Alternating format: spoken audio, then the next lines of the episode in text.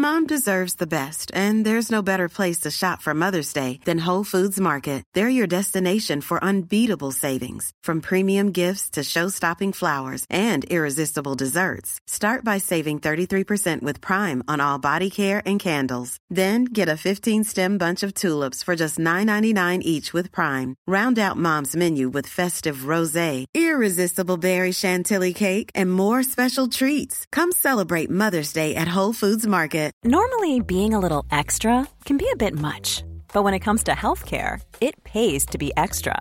And United Healthcare makes it easy with Health Protector Guard fixed indemnity insurance plans. Underwritten by Golden Rule Insurance Company, they supplement your primary plan, helping you manage out of pocket costs without the usual requirements and restrictions like deductibles and enrollment periods. So when it comes to covering your medical bills, you can feel good about being a little extra. Visit uh1.com to find the Health Protector Guard plan for you.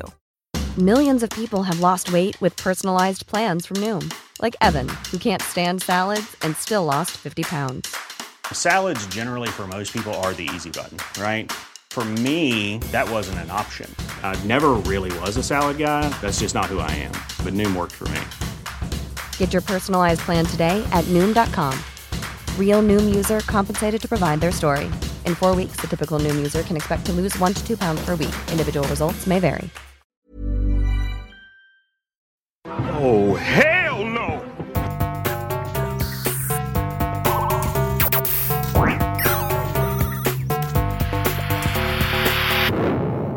Velkommen til Sinnsyn. Jeg heter Sondre Risom Livre, er psykolog, og dette er Webpsykologens podkast. Hverdagspsykologi for fagfolk og folk flest.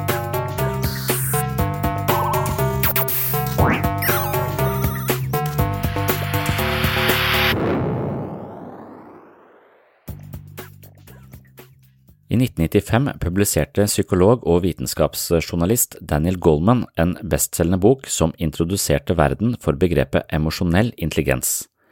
Emosjonell intelligens refererer til evnen til å forstå og håndtere følelser, og denne egenskapen, også kalt EQ, øker sjansene for suksess på en rekke områder i livet. Boka, som rett og slett heter Emosjonell intelligens, har hatt stor innflytelse på hvordan man siden tenker om menneskers følelser og atferd. Siden emosjonell intelligens er en egenskap som har stor betydning for hvordan vi håndterer livet og relasjoner, noe som igjen korrelerer med suksess både på hjemmebane og på jobb, er det kanskje naturlig å lure på hvordan vi ligger an på dette området. Hvor emosjonelt intelligent er du egentlig? Dette er selvfølgelig vanskelig å måle, men det finnes en del parametere hvor enkelte scorer bedre enn andre. Dette er noe jeg har snakket om i flere av episodene her på Sinnsyn, spesielt de som omhandler mindfulness. I dag skal jeg innlede med 13 kjennetegn på emosjonell intelligens. Dersom du nikker bekreftende eller gjenkjennende til flere av disse punktene, tyder det på at du har et velutviklet følelsesliv og en velutviklet emosjonell intelligens. Hvis ikke du kjenner deg igjen, er det heller ingen grunn til å fortvile, men snarere anerkjenne et stort utviklingspotensial. I motsetningen til den kognitive IQ-en, som vi tenker er relativt stabil over tid, er emosjonell intelligens noe man kan trene opp. Før vi går til dagens hovedsegment, vil jeg altså introdusere deg for 13 tegn på emosjonell intelligens. Punkt 1. Du tenker på følelser. Emosjonell intelligens begynner med det som kalles for selvbevissthet eller sosial bevissthet, altså evnen til å gjenkjenne følelser og deres innvirkning både hos deg selv og hos andre. Den bevisstheten begynner med refleksjon. Du stiller spørsmål som hva er mine emosjonelle styrker, hva er svakhetene mine, hvordan påvirker mitt nåværende humør mine tanker og beslutninger, hva skjer i andre menneskers indre liv som påvirker hva de sier eller gjør. Å gruble på denne typen spørsmål gir verdifull innsikt som kan være med på å stimulere din emosjonelle intelligens. Denne typen undring og refleksjon over hva som skjer i vårt eget psykiske liv, hvordan dette påvirker oss i møte med andre, og hva som egentlig foregår i andres mentale landskap, er altså springbrettet for utviklingen av EQ, og jeg kaller denne typen refleksjon for sinnssyn. Og jeg legger ikke skjul på at boka til Daniel Goldman, både den som heter Emosjonell intelligens og den som heter Destruktive følelser, har vært blant mine viktigste inspirasjonskilder og bestemmende for hvordan jeg selv tenker om psykologi og følelser. Punkt to, du tar en pause. Det betyr rett og slett at du stopper opp og tenker deg om før du snakker eller reagerer, spesielt i litt vanskelige situasjoner. Enkelt i teorien, men veldig vanskelig i praksis. Dette er rett og slett en teknikk som sørger for at vi unngår premature og dårlige beslutninger eller responser. Punkt tre, du er bevisst tankene dine. Du har ikke alltid kontroll over følelsene som dukker opp i et gitt øyeblikk, men du kan kontrollere reaksjonene dine på disse følelsene ved å fokusere på tankene dine. Du kan ikke forhindre at en fugl lander på hodet ditt, men du kan forhindre at den bygger et rede. Det er visst et litt eh, merkelig ordtak. Ved å beholde fokus på hvordan du tenker og fortolker dine reaksjoner, unngår du å bli en slave av følelsesmessige svingninger. På denne måten vil du oppleve større grad av kontroll, mindre fanga av humør og sterke følelser, noe som igjen gir deg større mulighet for å leve i harmoni med dine mål og verdier. Punkt fire, du nyttiggjør deg kritikk. Ingen liker vel egentlig negative tilbakemeldinger, men du vet at kritikk er en sjanse til å lære, selv om denne kritikken ikke blir levert på den beste måten. Og selv når kritikken er ubegrunna, så ser du det som en eh, mulighet eller som et vindu inn til hvordan andre mennesker tenker. Når du mottar negative tilbakemeldinger, holder du følelsen i sjakk og spør deg selv hvordan kan dette gjøre meg bedre? Punkt fem, du er autentisk. Autentisitet betyr ikke å dele alt om deg selv til alle hele tiden. Det betyr å si hva du mener og være åpen om egne intensjoner og hvordan de korresponderer med dine holdninger, verdier og prinsipper. Du blir en person andre vet hvor de har, og du tåkelegger ikke dine intensjoner og meninger med diffuse strategier eller manipulerende teknikker. Punkt 6. Du utviser empati. Evnen til å vise empati som inkluderer å forstå andres tanker og følelser, hjelper deg med å få kontakt med andre. I stedet for å dømme andre, jobber du hardt for å se ting gjennom deres øyne.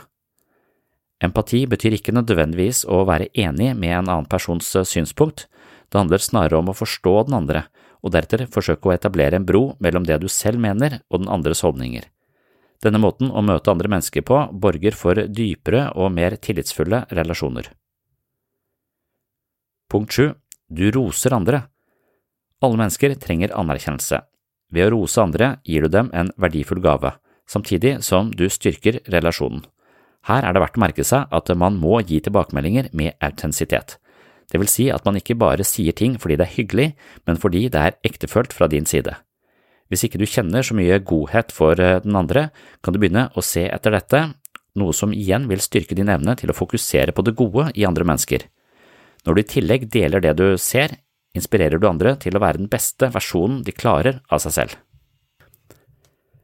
Punkt 8. Du gir nyttige tilbakemeldinger. Negative tilbakemeldinger har stort potensial for å skade andres følelser. Når du innser dette, omformulerer du kritikk som konstruktive tilbakemeldinger, slik at mottakeren ser det som nyttig istedenfor skadelig. Du unngår ikke å si det, men du formidler dine meninger på en forsonende måte. Dette er virkelig en kunst. Mange sier aldri noe som er negativt og spolerer dermed andres muligheter for innsikt og endring. Det er viktig å være åpen og oppriktig med de menneskene man bryr seg om, og da er det av og til at man har perspektiver som de andre kan eh, nyte godt av, men som kanskje der og da vil eh, ha en slags følelsesmessig belastning knytta til seg, og det å klare å formidle dette til de vi bryr oss om, det er virkelig en kunst og et kjennetegn på emosjonelt intelligente mennesker. Punkt 9. Du har evnen til å beklage. Det krever styrke og mot til å kunne si at du beklager. Men å gjøre dette viser ydmykhet, en egenskap som er både tillitsvekkende og sympatisk. Følelsesmessig intelligens hjelper deg å innse at unnskyldning ikke alltid betyr at du tar feil, det betyr å verdsette forholdet ditt mer enn egoet ditt. Punkt 10. Du tilgir og glemmer. Å være langsur er omtrent som å plante kniven i såret og la den ligge der. Mens den personen du er sint på, fortsetter med livet sitt, blir du sittende igjen i forbitrelse med litt for høyt eh, blodtrykk og dobbelt så stor sjanse for å få hjerte- og karsykdommer. Når du tilgir og glemmer, hindrer du at andre holder følelsene dine som gissel, slik at du kan komme deg videre du også. Punkt 11. Du holder dine forpliktelser. Å bryte avtaler er en uting. Når du gjør det til et slags eh, prinsipp å holde ord, i store og små ting blir du ansett som pålitelig, noe som igjen styrker dine relasjoner. Punkt 12. du hjelper andre. De fleste bryr seg egentlig ikke om hvor du ble uteksaminert eller om dine tidligere prestasjoner, men timene du er villig til å ta ut av timeplanen din for å lytte eller hjelpe, det spiller en stor rolle. Hjelpsomme mennesker bygger tillit og inspirerer andre. Det er med på å stimulere en slags godhet for menneskeheten. Punkt 13. Du beskytter deg mot følelsesmessig sabotasje, eller det som jeg tidligere har kalt følelsesmessig utpressing. Du innser at eh, emosjonell intelligens også har en slags eh, skyggeside, for eksempel når eh, du oppdager at enkeltpersoner prøver å manipulere andres følelser for å fremme en personlig agenda eller hevde en egoistisk sak. Du innser dette og setter grenser for deg selv eller for andre. Dette var altså 13 punkter som kjennetegner emosjonelt intelligente mennesker. Nå skal du få være med til en times refleksjon rundt vår evne til å håndtere følelser, men først så vil jeg gjerne høre fra Daniel Goldman selv. Jeg anser han som sagt som en særdeles dyktig fagperson, og han fremstår på en måte som gjør at liv og lære går hånd i hånd hos denne mannen. I'm Daniel Goleman, and I want to share with you why emotional intelligence is a key to high performance. Emotional intelligence refers to a different way of being smart. It's not your IQ, it's how you manage yourself and your relationships. It's not usually taught in schools. You learn it at home, on the playground, or in the office. There are four parts to my model of emotional intelligence. The first is self awareness. The second is self management. Then there's social awareness or empathy. And the fourth is relationship management. Within each of these four parts, these four domains, there are learned competencies based on the underlying ability that are what make people outstanding in the workplace. There are two sets of emotional intelligence abilities. The first is crucial for leading ourselves, for self management. It includes self awareness and self management. You see it in outstanding individual contributors like, say, a, a star software engineer. These are people whose excellence is based on solo work, not on teamwork. The second set has to do with our relationships, with empathy, and these abilities are crucial for teamwork, for sales, for handling clients, and particularly for leadership. The self-management competencies are first, emotional self-awareness, then emotional balance, positive outlook, the drive to achieve, and adaptability. The relationship competencies are empathy, organizational awareness, influence, being a coach and mentor, inspiration, teamwork, and conflict management. Ja? Da var det muligheten for å uttrykke følelser uten å bli emosjonell, som eh, egentlig betyr å være emosjonelt intelligent. Og det er kanskje Daniel Goldman som har skrevet den mest eh, berømte boka om emosjonell intelligens som er full av studier som sier at eh, det å lykkes i livet handler eh, i høy grad om å ha eh, emosjonell intelligens. Emosjonell intelligens er en større predikator for suksess på de fleste områder av livet enn IQ. Så EQ er på mange måter viktigere enn IQ. Og han eh, legger det litt på noen sånne litt sånn gamle studier også, som jeg tror er litt sånn kontroversielle og litt usikre på om egentlig stemmer. I hvert fall eh, høsta en del kritikk i det siste, men denne marshmallow-studien er en av de som han eh, eh, baserer det noe på. Så jeg vet ikke om dere har hørt om den, men det, det er dette studiet som er gjort med, med barn, da. Eh, fireåringer som blir satt foran en marshmallow, og så får de beskjed om å vente med å spise den, eller hvis de klarer å vente med å spise den, så får de to. Hvis du venter 15 minutter med å spise den, så får du to istedenfor én. Så er det da snakk om de har impulskontroll nok til å avvente og få dobbelt så mange marshmallows, eller eh, om de bare eh, spiser den umiddelbart. Og det de mener, er at de som har eh, evnen til å regulere impulsene sine, da, og ikke handle umiddelbart på den følelsen for å ville spise denne marshmallowsen, de har mye bedre ja, de, de, har det bedre på mange områder av livet når du, når du sjekker disse folka i voksen alder. Da. De har høyere utdannelse, de, de har bedre karrierer, de lever mer stabile familieliv osv. Så, videre. så på veldig mange parametere så scorer de bedre, de som klarte å utsette den umiddelbare behovstilfredsstillelsen. Det linker han da opp til det å ha kontroll eh, på følelsene, og ikke agere eh, følelsene. Jeg tror det handler ganske mye om eh, å ha en Altså, vi har en slags emosjonell hjerne, og vi har en hjerne som er basert på tenkning. Og de to tingene trenger å kobles sammen. Vi trenger å ha en slags tenkning kobla til følelsene våre. Men når følelsene våre blir over eller Når vi føler for mye, så vil ofte evnen til å tenke koble ut. da. Så mental styrke kan jo være å ha denne prefrontal cortex kobla på, altså ha en slags eh, bevissthet om vår egen måte å føle på til enhver tid, sånn at vi ikke kollapser i følelsen. Mm. Ja, svakhet, svakhet, ved studien, helt klart, for at, at den, den, vil være sånn kulturelt belasta, også dette med de marshmallowsene. For hvis du, hvis du kommer fra et miljø med som er veldig lite bemidla, så vil det av og til være rasjonelt å spise umiddelbart fordi at det, det er så mange om beinet. Så du kommer til å miste muligheten hvis du ikke handler eh, raskt. Så, så, det kan godt være at det ikke nødvendigvis da er et eh, mål på eh, emosjonell intelligens på noe som helst måte.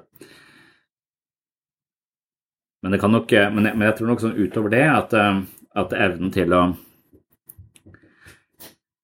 til å monitorere eh, følelsene sine og, og, hvordan man føler. For følelser er jo altså det er jo følelser som får oss til å handle. Så Noen tenker på følelser som noe som hører til i romantiske relasjoner, men følelser er jo med i alle de små valgene vi gjør hele tiden, hver dag. Og det er jo nettopp eh, følelsene som får oss, får oss til å handle. Så hvis vi på en eller annen måte prøver å undergrave følelser, eller av en eller annen grunn ikke har tilgang til følelser, så vil det også gå utover hele livsførselen vår på veldig mange sentrale områder. Så hvis du går langs en gate og ser en person som ser skummel ut, og du kan lese i ansiktet en person at han er ustabil, kanskje aggressiv, så får det deg til, kanskje til å gå over på andre sida av gata, eller snu og gå en annen vei. Og det kan være at det sørget for at du ikke havna i et eller annet basketak. Da. Så det er jo når vi forstår andres følelser og våre egne følelser at vi, vi reagerer og, og, og, kan agere. Og uten, uten, de følelsene så har vi ikke heller noe insentiv for å reagere. Så Emosjon betyr jo bevegelse. Det handler jo om at det, det skal skape en bevegelse. Og så er spørsmålet om, om de følelsene som, som kommer fram, er eh, godt grunnlag for, for, handling. Og det er der vi bør ha på en, en skipper, som de kaller det, da, i en sånn traumepsykologi. At man har skipperen på, på skuta, sånn at du ikke kollapser i, eh, i følelsene og bare reagerer. Og før i tida så drev man jo med lobotomi i psykisk helse. det vil Si at man klipte altså den forbindelsen mellom venstre og høyre hjernehalvdel. Og da forstyrra man også forholdet mellom den tenkende hjernen og den emosjonelle hjernen. Og da ble personen langt mer roligere, og de, virket, og de tok det som tegn på bedre psykisk helse, men egentlig så forsvant bare initiativet for handling. Du blei sånn uh, halvveis uh, Du blei veldig rolig, fordi det var ikke lenger noe, noe noe insentiv for å gjøre noe som helst, for følelsene som driver oss til handling, den uh, var kobla vekk fra den tenkende, uh, fra den tenkende hjernen. Jeg lurer også litt på hvor uh, stor forskjell det er på, på, folk i hvilken grad de har sånn kontroll på følelsene sine, eller, eller kan fremkalle de følelsene som man eventuelt måtte ønske i ulike situasjoner. For, for det kan virke som om noen føler ting for det som er foran de, Altså de reagerer på det som er eh, tilgjengelig. Så når det er noe som er bra, så er det bra, men en gang det blir borte, så er det, så er det borte, og da er det mer smertefullt, for da er det tapt. Eller, eller om man, eh, man, kan på, på sett og vis eh, administrere sint, sine egne følelser ved å fremkalle fantasier og tanker og minner om ting. Sånn at man kan en, at man er liksom administrator av uh, den emosjonelle temperaturen inni seg sjøl. Og hvis man er god på det, så tenker jeg man har en kjempefordel, for da kan man jo f.eks. legge fra seg ting som er vanskelig hvis det ikke passer nå, og så ta det senere.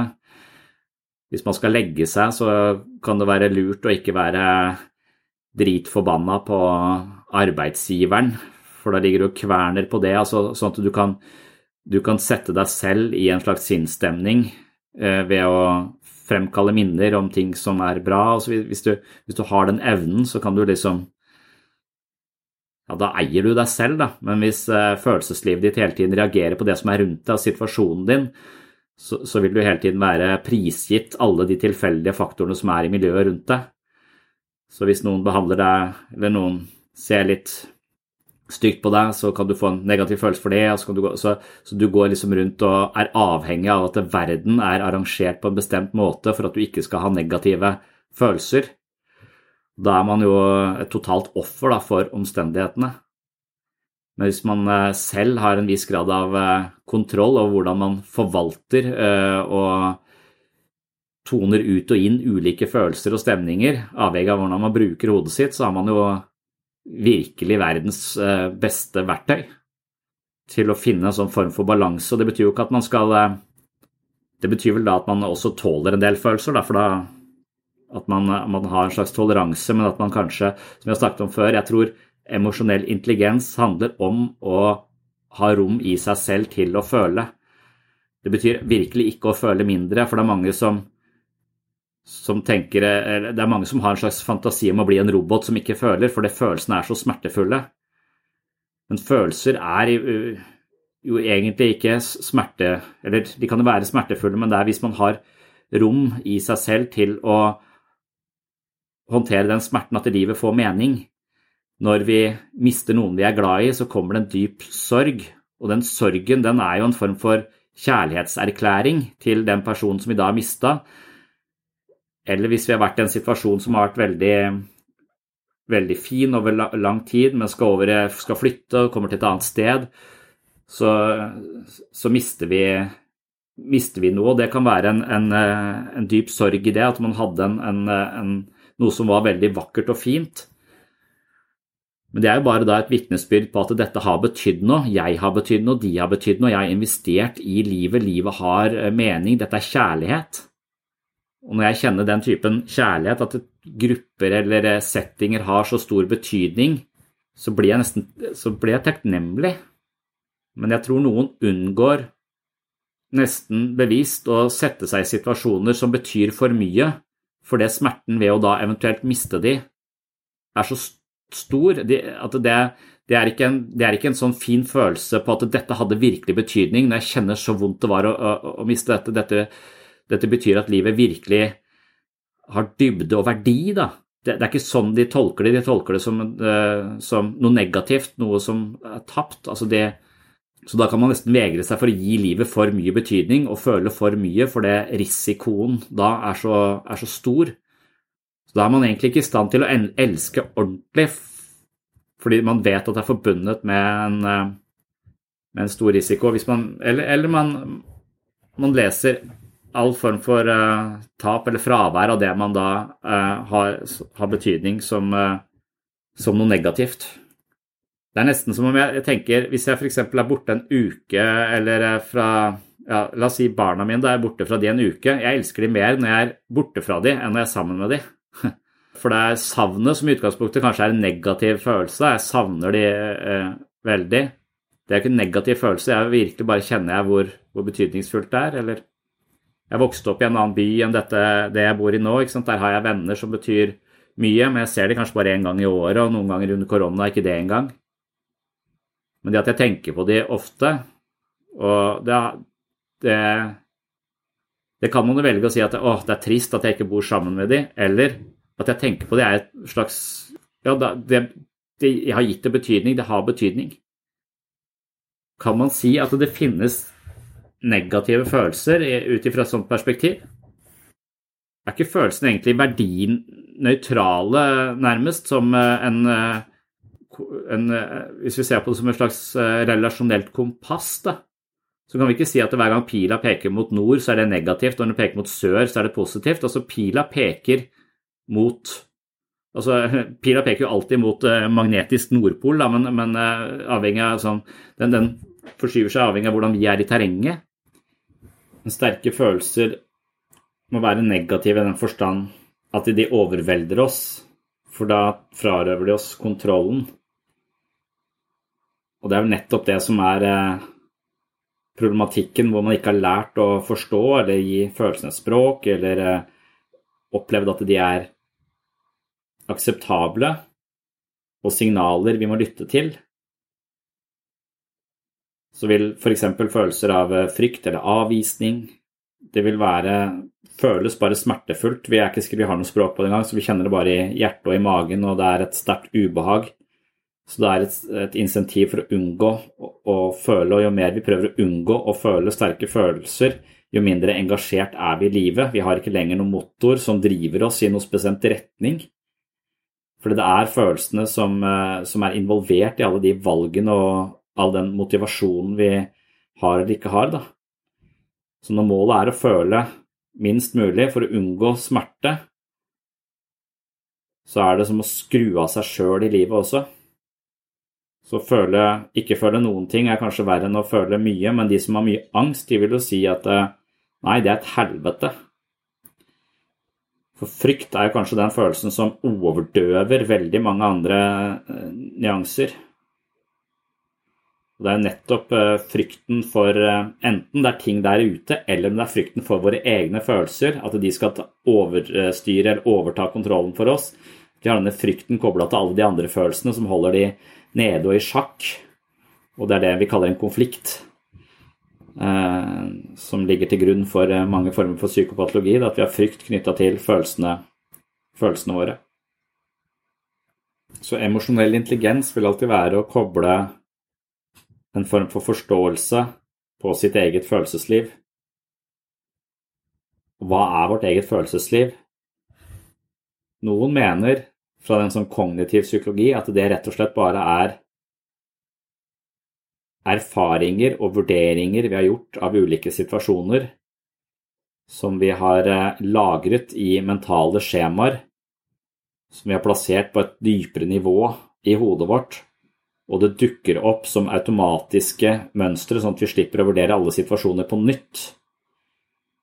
For hvis vi skal gå rundt i livet og vurdere hver eneste ting vi gjør, så blir vi amatører, og ting tar for lang tid. Så vi er nødt til å ha en viss automatikk i det vi driver med.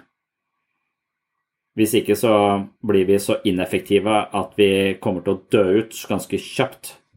Så effektiviteten vår er avhengig av at vi har forhåndsprogrammer som bare kjører i bakgrunnen. Det er noen som mener at det er følelser. Så, så vi i møte med situasjoner har eh, logget ting som farlig eller interessant eller forkastelig eller ekkelt eller eh, et eller annet sånt noe, en eller annen følelse som eh, Det vi kaller da følelser, er bare disse programmene som kjører i bakgrunnen, som ikke lenger husker hvorfor vi syns at dette er ekkelt. Følelsen av at det er ekkelt, er bare bare til stede, men det er fordi vi på et eller annet tidspunkt har gjort en vurdering av noe som vi kanskje har lært av noen andre, som har rynka på nesa og sagt æsj i møte med et eller annet på et tidlig tidspunkt. Vi husker ikke dette, men det er da logga i vår egen, eh, vårt eget mentale bibliotek på et ubevisst nivå og styrer, eh, og styrer oss. Da, da veit vi jo ikke egentlig hvorfor vi reagerer sånn som vi reagerer. Fordi at de fleste av våre mønstre er eh, automatiserte verdivurderinger som tilhører situasjoner som for lengst er forbi, men så, vi, så generaliserer vi de ut, sånn at vi bruker de nye situasjoner som ligner. Og da er det ikke sikkert at de ligner, spesielt i forhold til frykt. da, Så har vi kanskje en del frykt knytta til situasjoner som overhodet ikke er farlige, men pga. at de ligner tidligere situasjoner, så vil den, eh, det programmet bare kjøre automatisk. Og istedenfor å vurdere det programmet, så agerer vi bare på det ved å trekke oss unna for å unngå den eh, For, for det er det følelsen av frykt forteller oss. Det er en, en, følelse som skal få deg til å trekke deg unna. Eller eventuelt gå til angrep. Og Da må man kanskje si at det er litt uh, lav emosjonell intelligens. da, når man, ikke, når man har for mange automatiske reaksjonsmønstre som det ikke er kobla en eh, forståelse til, og dermed så lar vi de kjøre og tar de for god fisk, selv om vi med en tenkende hjerne hadde skjønt at oi, ja, men denne følelsen er ikke relevant i denne situasjonen lenger. When you're ready to pop the question, the last thing you want to do is second guess the ring. At Bluenile.com, you can design a one of a kind ring with the ease and convenience of shopping online. Choose your diamond and setting. When you find the one, you'll get it delivered right to your door. Go to Bluenile.com and use promo code LISTEN to get $50 off your purchase of $500 or more. That's code LISTEN at Bluenile.com for $50 off your purchase. Bluenile.com code LISTEN. Hiring for your small business? If you're not looking for professionals on LinkedIn, you're looking in the wrong place. That's like looking for your car keys in a fish tank. LinkedIn helps you hire professionals you can't find anywhere else, even those who aren't actively searching for a new job but might be open to the perfect role. In a given month, over 70% of LinkedIn users don't even visit other leading job sites. So start looking in the right place. With LinkedIn, you can hire professionals like a professional. Post your free job on linkedin.com slash people today. This is Paige, the co-host of Giggly Squad, and I want to tell you about a company that I've been loving, Olive June. Olive June gives you everything that you need for a salon quality manicure in one box. And if you break it down, it really comes out to $2 a manicure, which is absolutely insane. It's also so easy to get salon worthy nails at home with Olive and June. The difference between how your nails used to look when you did them yourself and now with the Manny system is a complete game changer. The best thing about Olive and June too is it's a quick dry. Dries in about 1 minute, lasts for 5 days and full coverage in up to 1 to 2 coats. Visit oliveandjune.com slash perfectmanny20 for 20% off your first system. That's oliveandjune.com slash perfectmanny20 for 20% off your first system.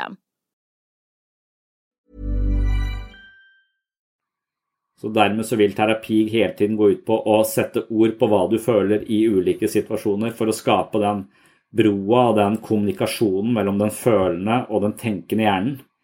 Jo flere stier du har mellom følelsene dine og tankene dine, jo bedre kommunikasjon det er mellom de, de ulike områdene i hjernen din, jo større sjanse er det for at du kan regulere og administrere følelsene dine å være, ha dette under en viss grad av kontroll, da, sånn at du ikke er prisgitt f.eks. omgivelsene, hvor du bare reagerer på det som skjer. Og er du heldig, så har du omgivelser som får deg til å føle deg bra, men så plutselig så, så er, har du ikke det, og da, da du, har du ikke noe muligheten til å gjenvinne balanse med mindre omstendighetene forandrer seg. Så Det er det som er den ideen i kognitiv psykologi, da, at det å ta ansvar for livet sitt det handler jo ikke om at vi skal Det handler om at vi, vi til enhver tid har muligheten Vi, har, vi kan ikke styre eh, verden eller omgivelsene våre på noen måte, men vi kan alltid til en viss grad påvirke hvordan vi reagerer. Så det er det som er å ta ansvar. Det er å ta ansvar for sin reaksjon på faenskapet som kommer vår vei. Det vil alltid komme faenskap vår vei. Så det å tenke positivt vaksinerer deg ikke mot ulykker. Du vil fortsatt oppleve ulykker, men du har kanskje en større grad av råderett over din reaksjon på de ulykkene. Og idet man forstår at det er en diskrepans mellom hvordan man føler og hvordan man eh, forstår den følelsen, og at den eventuelt er malplassert, så, så må man jo kanskje da velge å handle på, på den tenkende hjernens eh, kommandoer, og at det er eksponeringsterapi. Det betyr å forstå at hvis jeg havner i disse situasjonene, så kan jeg bite tenna sammen. og Jeg blir bare verre av det. Altså, hvis du skal eksponere deg selv for sosial angst og hele tiden er sammen med folk, liksom, så sier jeg ja, jeg har eksponert meg hele livet. Jeg har vært sammen med folk hele livet. Det er folk overalt. Men, eh, men jeg har ikke blitt noe bedre av det. Det har bare blitt verre. Så hva er det man gjør da med sin sosiale angst som er feil? For da, da virker det som ja, ok, da har du eksponert deg, da du har vært sammen med folk. Ja, jeg er født i en verden som er full av dem. Det er det som er problemet. Sånn det, så, så, da må jo spørsmålet være at eksponering må jo være det, det, som skiller en eksponeringsterapi, en behandling av sin egen fobi, det må være bevisstheten. Du, møter, du, du, du tar med deg inn i situasjonen. Sånn at du hele tiden nærmer deg den langsomt for å, for å hele tiden ha prefrontal cortex påskrudd og monitorere og gå i dialog med din egen reaksjon.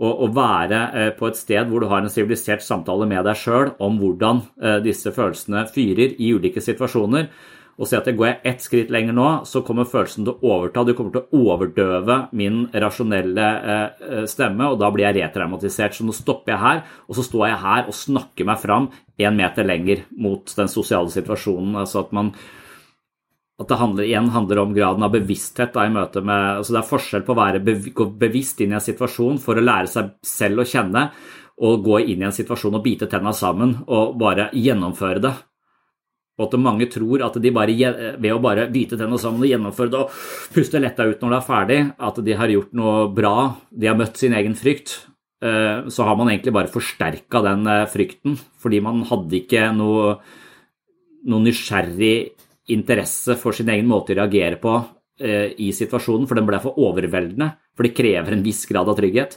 å ha det der monitorerende øyet på. da. Man må kanskje forberede seg ganske godt i forkant av de situasjonene man vet er eh, problematiske, sånn at man har noen sånne markører for hva som skjer, og når det skjer. Og hvis man da har litt sånn mental fleksibilitet, så kan man kanskje fokusere på La oss si det er en person du ryker uklar med stadig vekk, da. Så vet du at det alltid handler om en eller annen sånn egokamp som oppstår når vi begynner å diskutere politikk og du vet akkurat hvor det, hvor det, går hen, og du vet hvordan du føler deg etterpå, og du vet hvordan du føler det som en slags krenkelse. og så, så du kjenner til eh, men, så, så, i forkant av det møtet så går du veldig eh, Da har du liksom kartet foran deg. Du, ha, du, med, du, skjønner at her kan jeg ikke gå på autopilot, her må jeg ha med meg kart og sjekke terrenget litt underveis. For dette her er en skog hvor det er lett å gå seg vill. Og da havner jeg på et sted jeg ikke egentlig eh, liker så godt.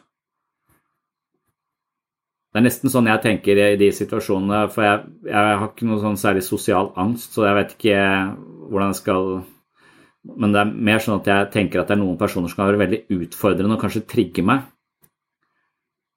Og for at jeg skal beholde eh, ro så, eh, og ikke få hjerteinfarkt, så, eh, så, trenger jeg å ha med meg det kartet da. Og da, da syns jeg at hvis jeg har forberedt meg godt, så så pleier det å gå atskillig mye bedre enn hvis jeg bare plumper ut i de situasjonene uten å tenke meg om på forhånd. Og kanskje det, er en slags mentalitet hvor vi er nødt til å forberede oss litt på, på vårt eget eh, på våre egne reaksjonsmønstre og bruke fantasien vår på forhånd, sånn at vi kan eh, se for oss litt hvordan de ulike scenarioene kan spille seg ut, sånn at vi er litt forberedt. For acting out er jo et eh, psykisk forsvar som tjener oss på en eller annen måte, men som ikke er det sunneste psykiske forsvaret, hvor vi handler følelsen. For det vi snakker om emosjonell intelligens, betyr jo ikke handle følelsen. Det betyr jo å eh, koble en slags forståelse og nysgjerrighet på følelsen før man eventuelt reagerer. Men ved f.eks. selvskading eller spiseforstyrrelser eller arbeidsnarkomani eller avhengigheter osv., så, videre, så så agerer man jo på et trykk som man ikke har eh, nødvendigvis noe språk eller noe forståelse for. Det er bare et trykk som, kommer, eh, som får en slags utløsning idet man kutter seg i armen. Eller idet man eh, spiser en bøtte med is, eller idet man ja, drikker masse alkohol. Så, så, acting out er jo en måte å bare agere følelsen på uten å egentlig få noe mer forståelse for den, men den blir håndtert rent sånn fysisk. Det er en, kanskje en slags alvorlig unnvikelsesmanøver hvor man eh, ikke lærer seg selv å kjenne i den prosessen. Så hvis man tenker på er rusmis, altså rusmisbruk altså Det er kanskje flere måter å bruke rus på. og Derfor at det, det, rus, det å klassifisere all bruk av rus som negativt kan kanskje være eh, ganske feilaktig. For negativt rusmisbruk er hvis du bruker rus for å agere en følelse du ikke orker å ta inn over deg. Så det handler om å dempe eller fjerne seg eller, eller ignorere sitt eget mentale liv. Men så finnes det også kanskje de som havner i samme rusmisbrukskategori, som ikke ruser seg for å, for å fjerne følelser, men som snarere bruker rusmidler for å forsterke følelser. Og, og bli mer bevisst, så det finnes to ulike typer rusbruk, hvor den ene er mer emosjonelt intelligent, at du ønsker en større, eh, en, sterkere følelse for å forstå den.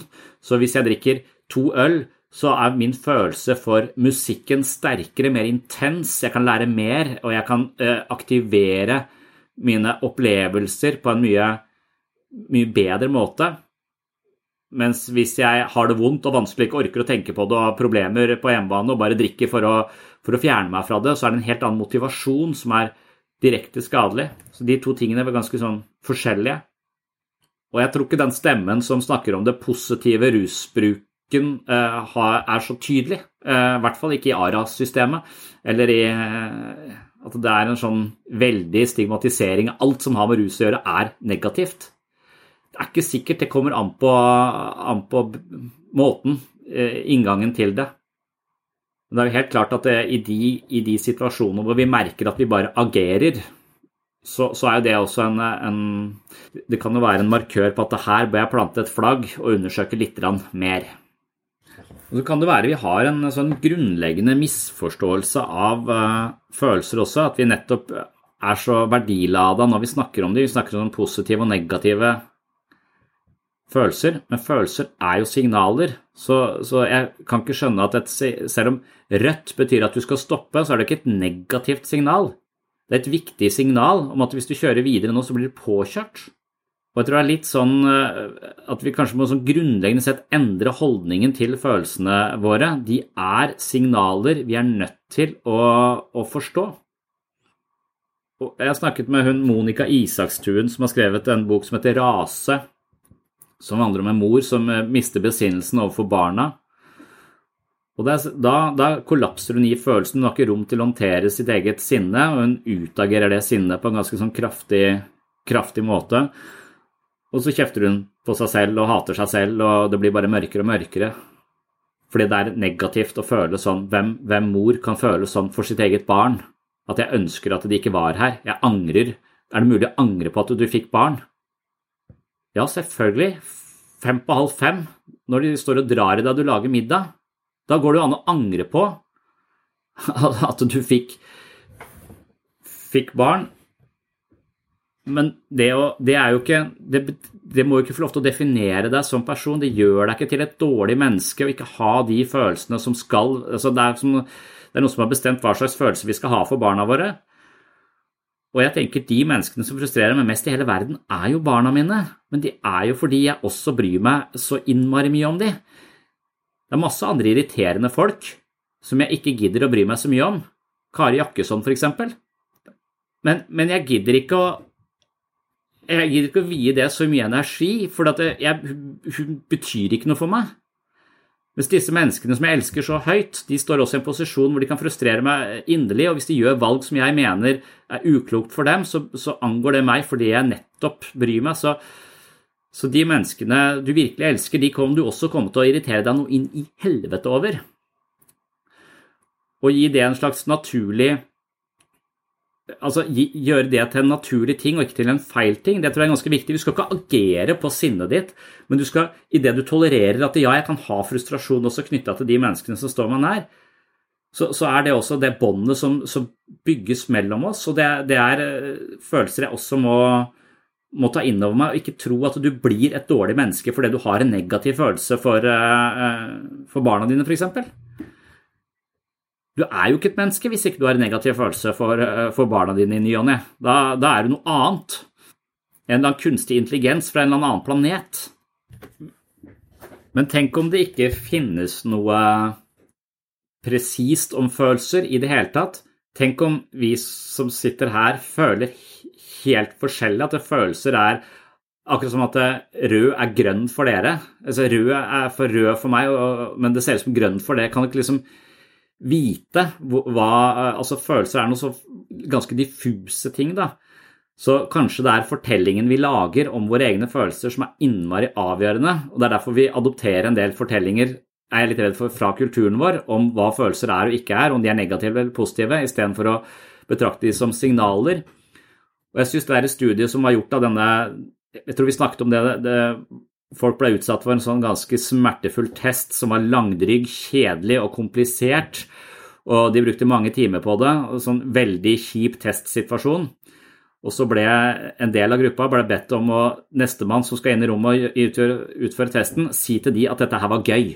For hvis de tror at det er gøy, så får vi bedre Det, det vil gagne denne testen. Så de lagde en historie på at dette her var gøy, det de hadde vært igjennom, for det hadde de fått beskjed om av uh, av denne forsøkslederen om å si til nestemann. Og når de da presenterer dette som var jæklig kjedelig og nesten utholdelig eh, eh irriterende, eh, for, som gøy, så vil du, når du spør disse folka etterkant, så vil de ha, si at ja, det var ikke så ille, den testen. Mens de som ikke blir bedt om å lyve om testen etterpå, de som ikke blir om, bedt om å lage en historie på at den testen ikke var så verst, eh, de husker den testen som helt forferdelig. Akkurat sånn som, eh, sånn som den var. Så selv om forsøkslederen noen andre bare får deg til å, eh, til å lyve om den, den, opplevelsen du akkurat har hatt, så vil det også forme din gjenkallelse av den opplevelsen noen måneder seinere. Så, så, vi lager jo da fortellinger, og de fortellingene blir også litt toneangivende for hvordan vi håndterer akkurat de følelsene.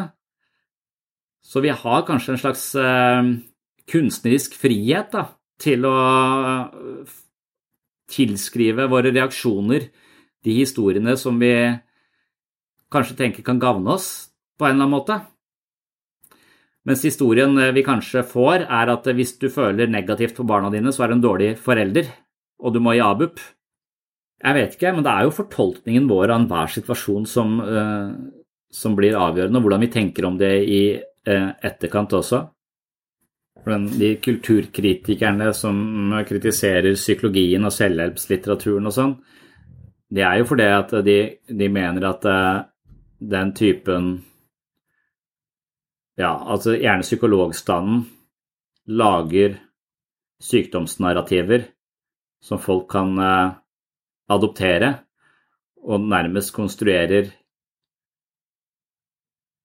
psykisk lidelse der det tidligere ikke var noe psykisk lidelse, der man tidligere bare var litt sjenert, så har man nå sosialangst. Fordi vi lager et språk som er eh, diagnosebasert osv. Og, og at vi kanskje har til og med en kultur som sier at det er det, det som skjedde oss som barn, som før var dramatisk, det er nå traumatisk. Så nå har du ikke en, eh, en dramatisk opplevelse bak deg, du har en traumatisk opplevelse bak deg. Det assosierer vi videre med PTSD og mareritt. Så I verste fall så For følelser er jo ingen objektiv størrelse, det er noe som må fortolkes. Men det gjelder jo egentlig smerte også. Smerte er altså noe som må fortolkes. Så, så vi får jo alltid hjelp da, av uh, menneskene rundt oss, vi får hjelp av kulturen vår til å forstå våre egne reaksjoner, og vi lærer jo om våre egne reaksjoner via foreldrene våre osv. Så, videre, så måten vi håndterer og forstår følelsene våre på, hvor emosjonelt intelligente vi eventuelt er, hvor mye kobling det er mellom tankene og forståelsen vår og følelsene våre, det er jo Det har jo sammenheng med hvor stor kobling det var hos foreldrene våre, som igjen kom fra, annen, fra en annen familie osv. Så, så, videre. så dette går i en slags eh, sosial arv, og så blir man kanskje langsomt litt bedre. Men nå er jeg litt prisgitt på at dette er en slags kompetanse, det å forstå og uttrykke nyanser i ulike reaksjonsmønstre og, og ha et, eh, et, språk på det, det, det ligger eh, til eh, familiesystemet, det ligger til kulturen, det ligger til landsdelen, det ligger til en hel haug av sånne, sånne, faktorer. Så vi er jo vi, Følelser er jo ikke Vår fortolkning av følelser er ikke noe som heller er isolert i oss selv, det er noe som påvirkes av veldig, veldig mange faktorer. Og de negative følelsene er nå én ting, men så er det også de positive følelsene. Det å gi ting betydning. Det tror jeg i hvert fall ikke er noe som vi klarer eh, å gjøre så mye av aleine. Så det å gi livet mening, og det å da ha et insentiv for å handle eller gjøre noe som er bra, det krever ofte samarbeid. Så, eh, så, den, eh, så evnen til å generere positive eh, eller nå bruker jeg det selv, positive, generere mening og dybde i livet, det er et felles, et felles prosjekt, tror jeg. Jeg tror kanskje jeg er litt prega også at jeg så den der dokumentaren 'Mannefall'. Har dere sett den? Det er en dansk dokumentar som ligger på NRK, som sier at er det en tredjedel av Det er veldig, veldig høy prosentandel av menn som aldri får noen partner, og dermed ofte henfaller til en ganske sånn usunn livsstil, hvor det ikke er noe vits i å gjøre noe som helst. De vil da ikke klare seg så bra på arbeidsmarkedet, de vil ha lavere utdannelse, og de vil ha mye dårligere kosthold osv. For det er ikke noe ja, Litt som jeg ville følt. Hvis ikke jeg hadde noen å lage middag til, så hadde jeg måttet etablere enormt mye viljestyrke for å spise sunt. Altså, min evne til å spise sunt handler i høy grad om at jeg føler et stort ansvar for eh, folk som er mindre enn meg, som skal spise den samme maten. Så, så det der også virkelig etablere en vilje til mening er nok noe som eh, oppstår i, i kompaniskap med andre. Og mannefall er jo denne krisen av at det er eh, veldig masse menn som har eh, falt utenfor og ikke lenger finner Får en slags naturlig anerkjennelse og status i kraft av kjønn, da, som de kanskje har hatt før. Det er, det, er, det er, trist å se, for, for, de mennene som lever alene, de lever syv år kortere enn menn som lever i parforhold. De dør syv år tidligere. Og det er forbundet med en hel haug av andre helseplager, selvfølgelig.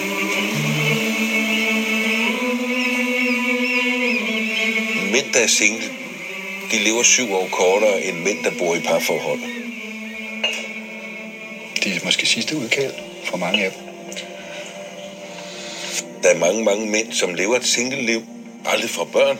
Altså, det er jo flere hundrede tusind mænd. Det har vi aldrig set før i vores historie. Så store grupper er familieløse, kan man sige.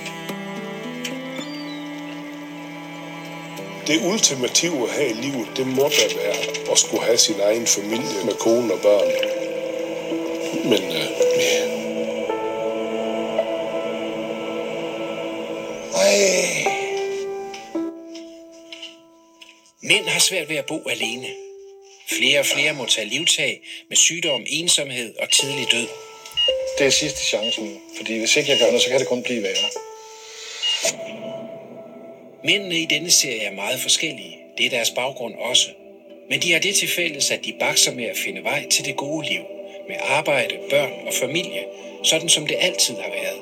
Men tiderne har ændret sig. Kvinder gider ikke mænd, som ikke lever op til deres billede af, hvad en god mand skal. Og det værste er, at de har jo sådan set ret. Altså, kom nu, mænd. Sidst jeg prøvede at få fat i hende, så stak hun af. Det skulle hun fandme ikke noget af, da. Kom. Men det er jo litt sånn problematisk, syns jeg, når man er far og sånn òg, at man, man, liksom man, man blir jo Man er med på å skape det narrativet rundt andre menneskers smerte fordi de ikke har noe eget. De, de må Det er via meg og, og de som er rundt det, de forstår eget, sin egen smerte. Og da Hvor vondt er noe? Det kommer jo an på hvor mye oppmerksomhet jeg gir det også. Så det, er hele tiden en sånn fortolkningsstrategi som er ganske vanskelig å forholde seg til. Altså Dattera mi har spilt en halv kamp i fotball med brekt arm fordi jeg ikke ser så, så nøye på fysisk smerte. Det går, går over nå i helgen hadde hun den styggeste fallet jeg har sett på snowboard, liksom. Jeg tenkte noe brakk av ryggen, men, eh, så vi satt en time i bilen, men så var vi tilbake igjen, og jeg veit da søren, jeg. Men du kan vel ikke klare å gå hvis du har brekt ryggen, tenkte jeg. Men, men hvor mye skal man liksom Etter hvert som, som fotballtrener så brukte jeg jo de første åra på de som går i første klasse, på å drive og trøste.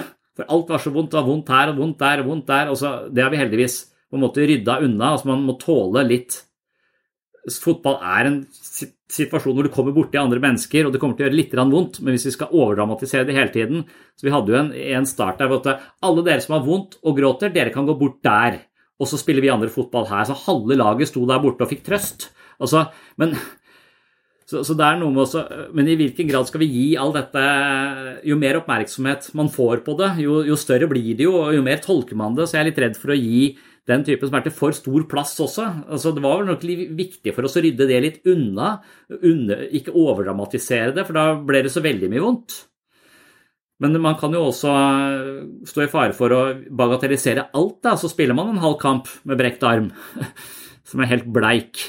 Så Og det er det fysiske, da. Hvordan tolker vi den fysiske smerten? Men så er det hvordan tolker vi den psykiske smerten? Hvor, eh, hvordan forstår vi Hvordan sparrer vi? Hvordan gir vi det et språk? Hvordan eh, kobler vi den tenkende hjernen på den emosjonelle hjernen, sånn at det blir en fin forbindelse der? Hvis vi da sier nei, det gjør ikke noe, bare ta det sammen og stå opp, så, så sier vi nei, den emosjonelle hjernen din kan bare ignorere fullstendig. Og, og da er det kanskje nettopp det at vi ikke klarer å lage den en farbar vei da, mellom en, en, sunn forståelse. Men da er det hva slags forståelse skal vi ha? Hvordan, eh, det er jo Vi må lage et narrativ som, eh, som man kan leve greit med, men som man ikke blir ekstremt sårbar, hvor enhver ting skal bety masse og bli overdramatisert. Jeg kommer også i sånne situasjoner hvor jeg føler veldig dobbelt. Og, og noen ganger så, så ikke som de der buddhistene påstår at det går ikke an å ha hat og kjærlighet samtidig. Det veit jeg ikke, men det kan være at de veksler litt, at de kommer og går, at de ikke opptrer alltid helt, helt, samtidig. Men i går så hadde jeg en sånn situasjon hvor eh, jeg opplever kanskje at det, vi, vi, gjør vel Altså når det handler om barn, så er det noen foreldre som gjør masse, og så er det noen foreldre som overhodet ikke, eh, ikke stiller opp. Og hvis det går utover meg over lang tid, sånn at jeg gjør Eh, en stor innsats, og det ikke kommer noe tilbake igjen, så føler jeg en slags ubalanse i den eh, relasjonen, og så blir jeg irritert på, eh, på vedkommende. Så da, da kommer liksom og så, så, så, kan jeg kjenne irritasjonen, men så kan jeg også da koble inn Altså, her kjenner du ingen av de faktaene som er tilgjengelige. Du vet ikke hvordan det ser ut hjemme hos dette mennesket, du vet ikke hva slags problemer de står i. De har to andre barn, kanskje de er syke. Altså, det kan være så utrolig mange ting, så hvis jeg tenker at eh, de strever, det er derfor de ikke har mer å gi, så kan jeg etablere en ganske stor grad av medfølelse og en stor mening at vi bidrar litt mer, men i og med at det er utilgjengelig for meg, så kan jeg nesten velge mellom å bli irritert eller ha medfølelse, avhengig av hva slags, hva slags, ja, hva slags idé jeg velger å, å bruke. da. Og da, jeg, da, kan jeg liksom velge, for da, da, vet jeg at når han kommer på døra og vi skal snakke sammen, så velger jeg den medfølende strategien, for det gjør meg til et mye bedre menneske, istedenfor å stå der og være sånn småirritert som jeg kunne vært, sånn halvpassivt aggressiv. Og så, ja, velkommen til mitt SFO. Hva, dette er da faen ikke noe barnehage. Det kan vel ha litt eh, balanse i hvor disse er hen i løpet av alle disse dagene. Men så kan ikke jeg vite, eh, ikke sant, så, så kan man jo tenke at det, eh, folk sannsynligvis gjør så godt de kan, og at de har helt andre utfordringer som gjør at det, at det, at de ikke har det å gi nå, det kan endre seg på et senere tidspunkt. Eller, ja, det, og da, da, kan man jo ha to følelser i hodet samtidig. Ja. De forskerne som, som, snakket i denne Mannefall-dokumentaren, de snakket om at det, det har ikke vært adaptivt for menn å føle for mye fordi at de tradisjonelt sett har skullet bygge huset, jernbanen, alle disse tingene. Så, så det å handle i verden har vært uforenlig med å føle for mye. For hvis du følte for mye, så vil det forstyrre den jobben du skulle gjøre, og det ikke, hadde ikke overlevelsesverdi. da. Så, så, at menn i større grad har, en, eh, har, har det vært adaptivt for å føle minst mulig. Det er eh, for å være tilpasset som, eh, som levende vesen i den, i den, verden du lever i, så har det ikke lønt seg å føle for mye. For de vil kunne overstyre deg og, og, forsinke handlingene dine eller eh, forstyrre det du egentlig skal, skal gjøre. Derfor har det vært adaptivt å bare skyve det unna og fortsette. Og at det ligger litt latent hos, eh, hos, en del menn fortsatt. da. Og Dermed så mangler de så, Og da blir man jo ikke spesielt emosjonelt intelligent heller, ikke sant? for man har lært å ikke bare og, og jeg tenker emosjonell intelligens tenker jeg nesten hvis du, først, hvis du, først, ser det som en slags hobby eller noe du får som en interesse, så kan det være ganske interessant. For det, det, handler, det er nesten sånn Før i tida så hadde jeg sånne briller som hadde sånn oransje glass og grønt glass og gult glass. De hadde forskjellige typer glass. da, så tok på deg brillene, så endra jo hele verden farge. Så Noen ganger så kan jeg tenke på emosjonell intelligens som å ta på seg ulike briller. Det er litt det jeg gjør når jeg føler meg tråkka på av en person. Så prøver jeg Men la oss si at barna hans er syke. Hvordan vil de brillene se ut uh, hvis han er veldig bekymra uh, eh, for noen? Eller la oss si? Så, så jeg kan hvis du, hvis du, bevisst går inn for å uh, fantasere om hva slags briller andre mennesker har på seg, altså hva slags følelses, følelser de har, så, så, tror jeg det er en sånn praksis du, hvor du kan bli ganske mye bedre kjent med både deg sjøl og andre mennesker. For emosjonell intelligens handler om å kjenne sine egne følelser. Hvordan ville jeg reagert? Og så kan du attribuere det til andre og tenke at de sannsynligvis kanskje ville reagert på litt, uh, litt samme måte. Så emosjonell intelligens handler om å forstå seg selv men handler også i like høy grad om å, om å forstå andre mennesker fra, fra, innsiden. Og hvis vi tar oss den umaken det er med å sette oss inn i den andres litt vanskelige posisjon, så, uh, så får vi stadig flere perspektiver. Da. Det er ganske, ganske sunt. Men uh, Mannefall snakker om en mannekrise hvor den emosjonelle intelligensen sannsynligvis er litt svak fordi den ikke har hatt noe vekstgrunnlag sånn evolusjonært sett i den siste tiden pga. organiseringa av uh, samfunnet og den manglende likestillinga mellom kjønn også. også for, for, meg så er det bra å prøve å leve seg inn i andre og, og, se det, men for noen mennesker så tror jeg de gjør det hele tiden og dermed alltid forstår andre i så stor grad at de nesten tilgir enhver form for oppførsel, og at det kan bli noe selvutslettende i det, men jeg, tenker at det, det, er der vi må ha disse som du nevner, to følelser i hodet samtidig. At det, det, var ikke greit, det som ble gjort. og Jeg har rett til å være litt forbanna for det, men jeg kan også forstå det eh, til en viss grad, sånn at det blir en slags balanse i de to eh, men uh, i, i, de, i, de, litt motstridende følelsene, både en slags sånn forakt for at vedkommende har virkelig tråkka på meg, og på den annen side en slags uh, empati med at du hadde det ikke lett uh, når det ikke var noen som passa på. Eh, så, så, at du har de to Det er vel de vurderingene vi gjør hele tiden. I hvilken grad skal jeg prioritere mine egne grenser og behov og, og rett til å, å være forbanna for noe som har skjedd med meg? Og i hvilken grad skal jeg kunne for, forstå, forstå, det? Og det er vel Hvis vi klarer å håndtere de to tinga vi får balansen, da. Og det med irritasjon da, går rundt å være småirritert. Det er ganske sånn, eh, I den boka til Daniel Goldman om emosjonell intelligens så siterer han en studie som er gjort på folk med, som har fått hjerteinfarkt. Og så er den ene gruppa får da en intervensjon i etterkant hvor de lærer seg eh, altså, eh, sinnemestring. Og, ja, de, de lærer seg å regulere og forstå sitt eget sinne på en bedre måte. Og der er tilbakefall altså halvparten, det er, det er dobbelt så stor sjanse for at de ikke får et hjerteinfarkt på nytt, kontra den gruppa som ikke får noe sånn sinnemestringskurs. Så det sinnemestringskurset det gjør en enormt stor forskjell på hvorvidt de får et, et nytt hjerteinfarkt lenger nede i, i veien. Og det, det, så det, handler om eh, håndtering av eget, eh, sin egen indre emosjonelle, irritable temperatur da, i møtet. Og da, da er nok det Ja det er viktig å tenke på at det å gå rundt og forbanne seg over eh, andres oppførsel, det gir deg hjerteinfarkt. Eh, ikke den andre. Så det er jo Ja.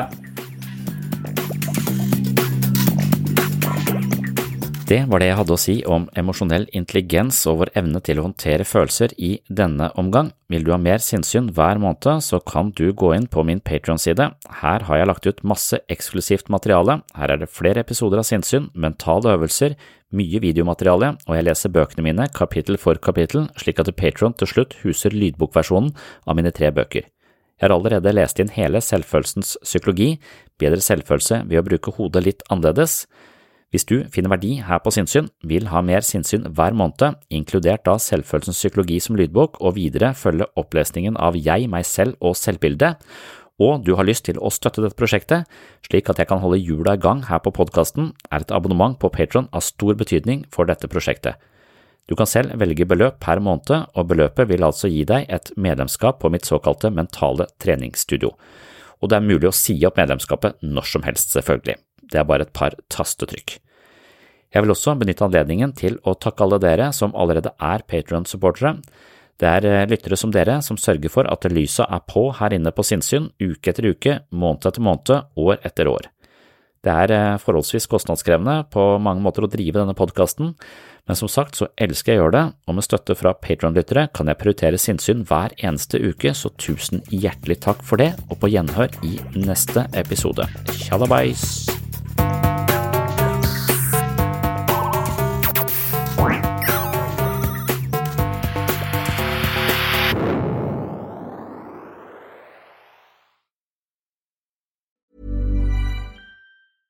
Even when we're on a budget, we still deserve nice things. Quince is a place to scoop up stunning high-end goods for 50 to 80% less than similar brands. They have buttery soft cashmere sweaters starting at $50, luxurious Italian leather bags, and so much more. Plus, Quince only works with factories that use safe, ethical, and responsible manufacturing. Get the high-end goods you'll love without the high price tag with Quince. Go to quince.com slash style for free shipping and 365-day returns. Imagine the softest sheets you've ever felt. Now imagine them getting even softer over time. That's what you'll feel with Bowl and Branch's organic cotton sheets. In a recent customer survey, 96% replied that Bowl and Branch sheets get softer with every wash. Start getting your best night's sleep in these sheets that get softer and softer for years to come. Try their sheets with a 30-night guarantee. Plus, get 15% off your first order at bowlandbranch.com. Code BUTTERY. Exclusions apply. See site for details. Here's a cool fact a crocodile can't stick out its tongue. Another cool fact you can get short term health insurance for a month or just under a year in some states. United Healthcare short term insurance plans are designed for people who are between jobs, coming off their parents' plan, or turning a side hustle into a full time gig. Underwritten by Golden Rule Insurance Company, they offer flexible, budget friendly coverage with access to a nationwide network of doctors and hospitals. Get more cool facts about United Healthcare short term plans at uh1.com.